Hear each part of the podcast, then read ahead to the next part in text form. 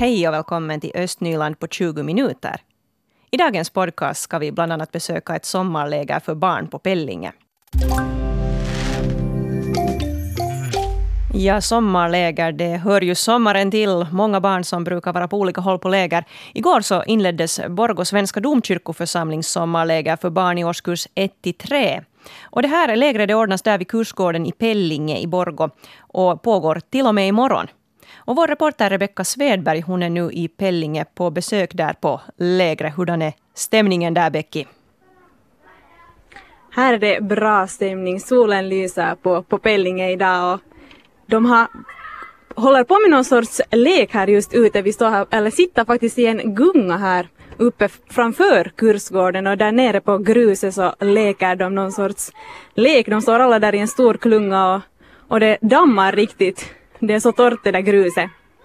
Med mig här i gungan så sitter också Alvin och Isabella som är på läger och ni är vana lägerdeltagare. Ni har varit med många gånger. Hur är det Isabella att vara på läger? Det är jätteroligt. Vad tycker du Alvin? No, det är roligt. Vad gör att ni vill komma varje år på läger?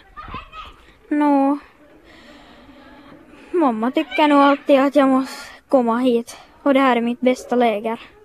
Det, det är ditt bästa läger? Jo. Mm. Men vad, vad tycker du Isabella, vad är det som är roligast? Varför vill du varje år komma på, på läger? För man får känna andra människor och sen får man nya kompisar och sen är det, all, sen är det alltid jätteroligt här också. Och kanske det är lite spännande, man är ju också borta hemifrån. Hur är det att vara på ett läger vart man är över natten? Jätteroligt. Vad tycker du Alvin? Roligt. Man får inte hemlängtan då? Nej. Får du hemlängtan Isabella? Nej, jag har aldrig haft på, ett sånt, på församlingens läger hemlängtan.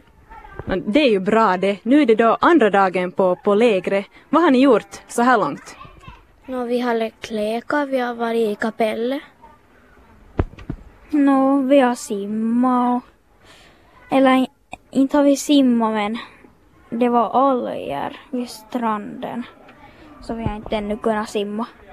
Ja, det är ju lite synd med de här blågröna algerna, ja, att man inte får hoppa dit i plurre, men om ni måste välja en sak hittills på lägret, så vad har varit roligast? Vad tycker du Alvin? Nå, att leka lekar. Har det varit någon speciell lek som har varit roligast? Uh,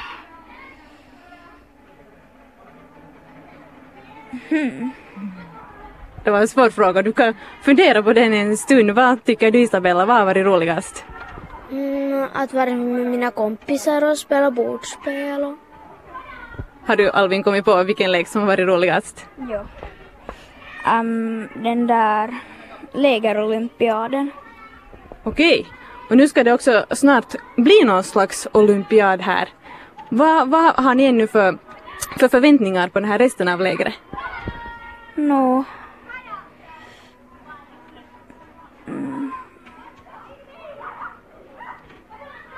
Du kommer inte på någonting på, på rak arm. Vad, vad, vad ser du ännu fram emot Isabella? Att gå och simma. Tror du att du kom, ni kommer att få gå och simma nu då om det är alger där i vattnet? Kanske om de far bort. Kanske om de får bort, ja. Och det ska vi nu hoppas att, att de får fara bort. Och ni ska nu snart då få, få gå och leka i den här lägerolympiaden. Det är ju kanske så att ni inte riktigt heller vet vad det kommer att bli för program här ännu under lägret. Nu ska vi ta en låt och sen ska vi ännu prata med en av vuxenledarna här på lägret.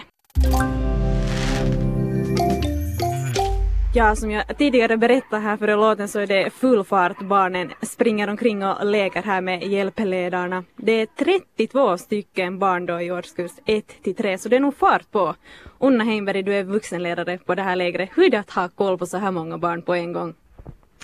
Ja, nu, nu är det ju alltid en, en liten utmaning förstås men vi har ett, jätte, ett jättebra ledarteam här med oss och som sagt också många hjälpledare så, så vi samarbetar och då, då går det nog riktigt fint. Du är van, du har varit många somrar på läger, visst är det så? Ja, faktiskt. Äh, redan som deltagare och sen som hjälpis och, och nu sen som, som vuxen, vuxenledare här på lägret.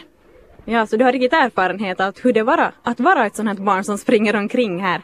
Vad gör man egentligen på ett sånt här barnläger? Ja, vi, vi har förstås mycket, mycket program hela tiden. Uh, mycket lek och spel. Vi försöker vara ute så mycket som möjligt, och röra på oss och ha roligt. Sen börjar vi och avslutar vi dagen alltid med en, en liten andakt. Vi, vi får, får låna kapellet här på, på Pellinge så det är jättefint att vi får, vi får låna det och gå dit alltid med, med barnen och ha en liten stund där vi kan stilla oss och, och få, en, få en sån här ro, stund, i, stund i ro så att säga. Och så har vi lite, lite någon bibelstund varje dag där vi funderar på, funderar på det. Och annars springer vi och har det roligt och så har barnen förstås lite fritid också ibland. Mm. Det är ju då ett församlingens läger, så hur mycket vikt sätter ni kring det här andliga? No, det är förstås ett, ett genomgående tema alltid på, på lägret och så kanske mest konkret syns det då under andakterna och sen bibelstunderna och så har vi förstås alltid bordsbön och sånt här att det syns nog, syns nog genom hela lägret. Mm.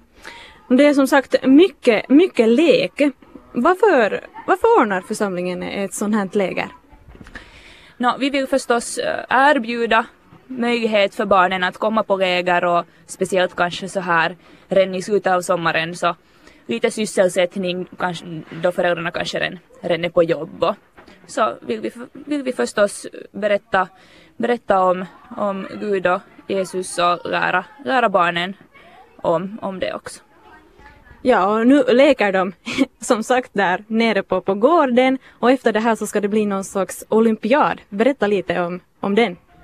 Jo, vi har lägerolympiad nu varje dag här på lägret för att lite kanske få övningar i samarbete. De, de har lag på ungefär 56 barn och så får de olika uppgifter och tävlar i dem och så, så har vi roligt, vi springer och gör fysiska grejer men också använder våra, våra hjärnor och funderar på olika saker och, och samarbete framför allt, att alla skulle vara med och, och dra, dra åt samma håll i de här olika grenarna och på det sättet sen ha roligt tillsammans.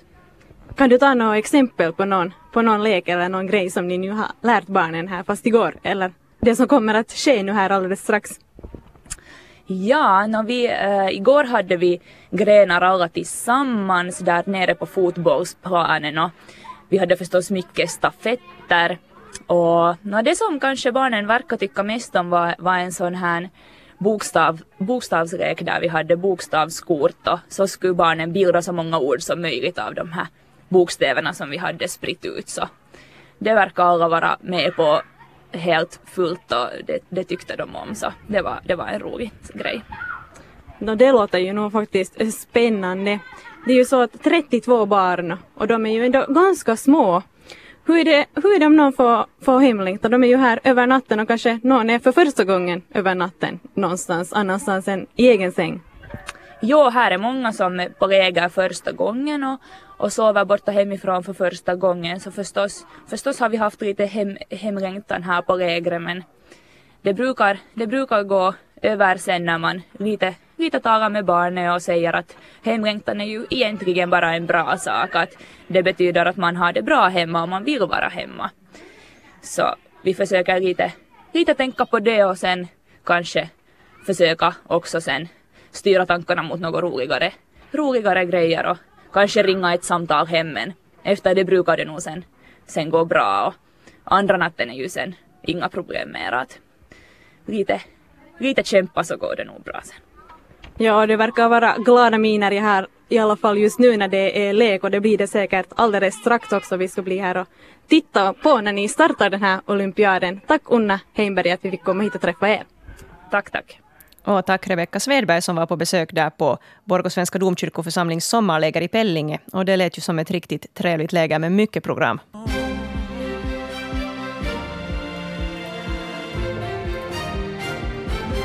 Klockan är halv tio nu, nyheterna från Östnyland med Stefan Härus. God förmiddag. En skottlossning ägde rum i ett småhus i Mörskom under tisdagskvällen. Polisen hade kommit till huset för att hämta en person som blivit dömd för ett fängelsestraff. till ett fängelsestraff. När patrullen avlägsnade sig från huset hade det uppstått bråk vilket ledde till skottlossning. En person skadades lindrigt under skottlossningen. I bostaden fanns förutom gärningsmannen sju andra personer i olika åldrar. Fallet utreds som två dråpförsök. Och mera nytt från Mörskom. Mörskom kommun har gått in för att testa samåkning. Det här skriver tidningen Itäväylä idag. Samåkning gynnar bland annat de cirka 450 personer i kommunen som dagligen pendlar till sina arbetsplatser utanför kommunen. Förutom samåkning har Mörskom också gått in för matartaxitrafik till Pukkila. Försöket är nu pausat men ska fortsätta från början av augusti till årets slut. Och i Borgo har renoveringen av ishallens bärande konstruktioner påbörjats. Förstärkningen av ishallens stomkonstruktion kostar 135 000 euro.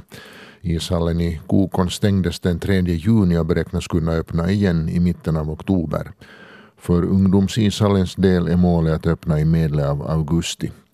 Arbetet med att sätta upp den nya rinken i ungdomsishallen påbörjas på måndag. Ortodoxa kyrkan i Borgå fyller 30 år. Kyrkan som ligger invid begravningsplatsen på Gamla Helsingforsvägen invigdes den 5 augusti 1989. De två dagar långa jubileumsfestligheterna firas på måndag och tisdag med bland annat en tempelfest. Och så en sportnotis. För Futuras damfotbollslag väntar snart tuffare matcher i division 2. Det här efter succéstarten under premiärvåren då laget parkerar på en andra plats i serietabellen. För att få en flygande start på höstsäsongen spelade damlaget igår kväll en träningsmatch mot Futuras pojkar, P05. Matchen på bollplan slutade 3-1 till pojkarna. Damlaget inleder höstsäsongen om en vecka med en hemmamatch mot Esbo bollklubb.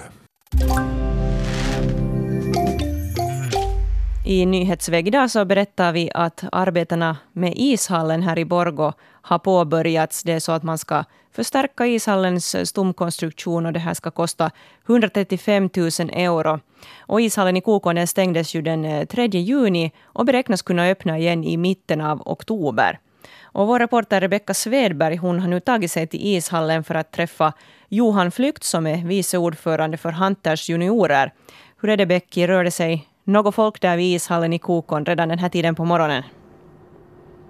Nej, det gör det nog inte. Här är lugnt och stilla och den enda människan jag har sett var där på andra sidan ishallen där vi mellan Kokonhallen och Kokon ishall på parkeringsplatsen. Så där var två sådana här stora bilar som har någon slags någonting nog tror jag med den här renoveringen att, att göra. Där var en människa och här på andra sidan ishallen mera mot vägen till så här är nog bara jag och, och Johan Flykt.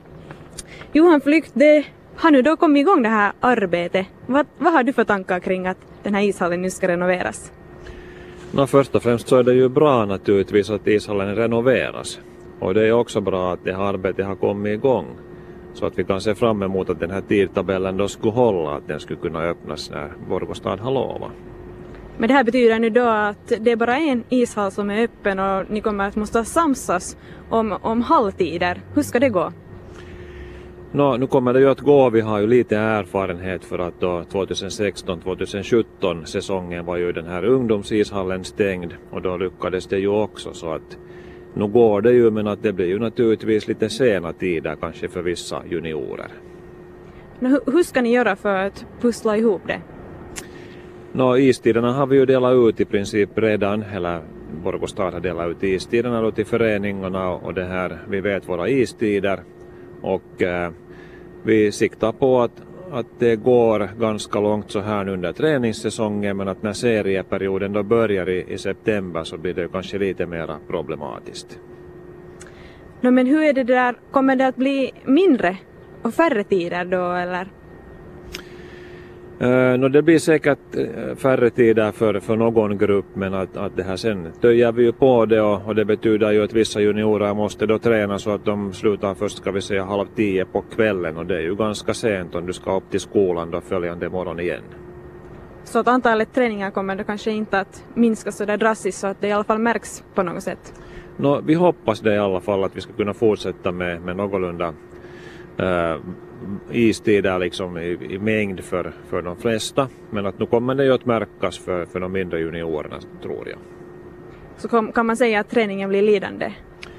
Nå, nu blir det ju träningen lidande i vilket fall som helst för att det är ju klart att, att om man tidigare har haft två rinkar, två ishallar i bruk och nu har man bara en så då märks det ju någonstans. Du berättade att det här ändå är en bekant situation att ni för två år sedan då också höll på med det här. Hade det några negativa följder så här på er verksamhet? Nå, nu hade det ju negativa följder på det sättet att vi fick ju mindre istid naturligtvis då också och så blev det problem med att, att sätta alla matcher då in i serien som, som det här måste förläggas och till den här så kallade ungdomsishallen, äh, förlåt till den stora ishallen och samsas med, med de här andra alla, alla föreningar som då finns där och, och det där. Sen också naturligtvis det att, att nu när vi är i samma situation igen så kanske många familjer börjar fundera att finns det förutsättningar i Borgå att, att då liksom träna ishockey ordentligt? Ja, det är nog synd om människor börjar söka sig bort. Är det något som du redan har märkt av? Och nu har vi kanske till en viss del märkt av att det finns ju väldigt många föreningar här i omgivningen i huvudstadsregionen så att, att där finns ju dragkraft. Eh, och naturligtvis så, så är det många som söker sig med tiden ändå och, och prövar liksom lyckan i nya föreningar men att, att nu har vi märkt av en, en viss tendens att man börjar fundera att det här är ett ställe att träna på.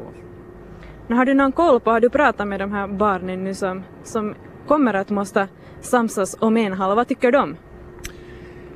Nå, jag vet inte om de tycker så mycket. Det är kanske då mera frågan om att vad det pratas i hemmen och vad man tycker där och, och, och så vidare. Men att nu är det ju på det sättet att speciellt de äldre juniorerna så de är ju väldigt ivriga att träna och man vill träna, man vill ha istider så att, att nu är det ju lite snopet på det sättet att man inte kan erbjuda åt alla just det som, som behövs.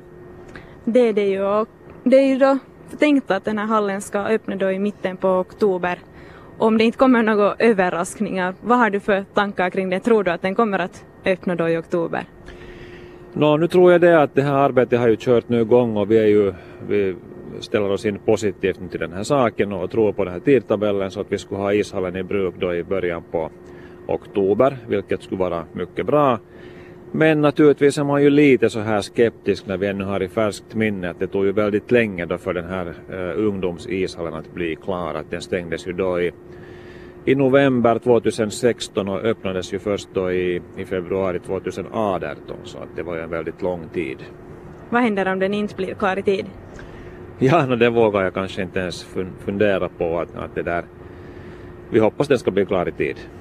Och det hoppas vi också så att juniorerna nu här i regionen får, får träna så som de ska. Tack Johan Flykt. Tack så mycket. Och tack Rebecka Svedbergsson, där var vi i ishallen i Kokon i Borgo. Nu på veckoslutet så ordnas Pellinge musikdagar i Borgå igen för fjärde gången. Och Monica Grop hon är konstnärlig ledare och har gjort karriär som operasångare och hon har också ett fritidshus på Pellinge. Och vår reporter Victoria Rikonen träffade henne för att prata om musikfestivalen. Monica Grop, du är då konstnärlig ledare för Pellinge musikdagar. Vad betyder de här musikdagarna för dig? Oj, det var en, en stor fråga. Det betyder jättemycket. Jag, jag har faktiskt satt min själ ner i de här musikdagarna här. Det är ju så att jag inte själv har varit i Pellingebos där jättelänge. Alltså det här är nu femte året som, som vi har ett sånt fritidsboende på Pellinge och det här är fjärde sommaren som vi ordnar då Pellinge musikdagar. Men alltså det betyder jättemycket för mig och jag är jätteglad att, att, att, det, där, att det kommer folk och att vi får göra det här och jag ser jättemycket fram emot de här konserterna nu som är på kommande här nästa veckoslut. Kan du berätta lite hur programmet ser ut då? Vi har fem stycken konserter under ett veckoslut. Det är den andra till den fjärde augusti. Så vi börjar, vi kör igång på fredag kväll med en sedvanlig eh, glad galej i det där i Solhälla. Den brukar alltid vara mycket uppskattad konsert, fin stämning och mycket folk och svettigt och varmt och alla är glada. Vad kommer du då att bidra med? Ja, jag, jag kommer nu i år att, att det där sjunga på en del av de här konserterna, både på kaffekonsert konserten och på den här solnedgångskonserten och sen på avslutningskonserten Rosamunde som är i, i, i Solhälla. Och det där Rosamunde namnet kommer ifrån att det är en, en kvartett av Schubert som också heter så, en stråkkvartett. Så därifrån har det fått sitt namn. Vad har ni för nytt i år eller har ni något nytt på gång? Nu i år så har vi då inskränkt oss till fem konserter för att, att vara på den säkra sidan. Man kan inte alltid, man måste lite rätta munnen efter matsäcken som man säger. Att det där, eh, vi kan inte alltid vara säkra på att få så mycket understöd som vi, som vi söker. Nu, vi har fått väldigt bra med understöd så tack till alla de som stöder vår verksamhet, det är jättefint. Men att vi hoppas att vi sedan kanske i fortsättningen nästa år redan kan satsa på någonting lite större också, att vi vill hålla den här festivalen liten och vi vill vara på Pellinge för det är ju där vi är liksom hemma och, och de fina ställena finns och omgivningen och allting och människorna men att sen att man kan också utvidga och ha samarbete med någon annan festival och kanske ha någonting större sen i Borgå domkyrka eller i Pärno eller någon annanstans. Vi får se vad, vad, vad, vad framtiden visar. Östnyland på 20 minuter är en svenska Yle-podcast och det finns flera poddar på arenan. Jag heter Katarina Lind. Tack så mycket för sällskapet. Vi hörs.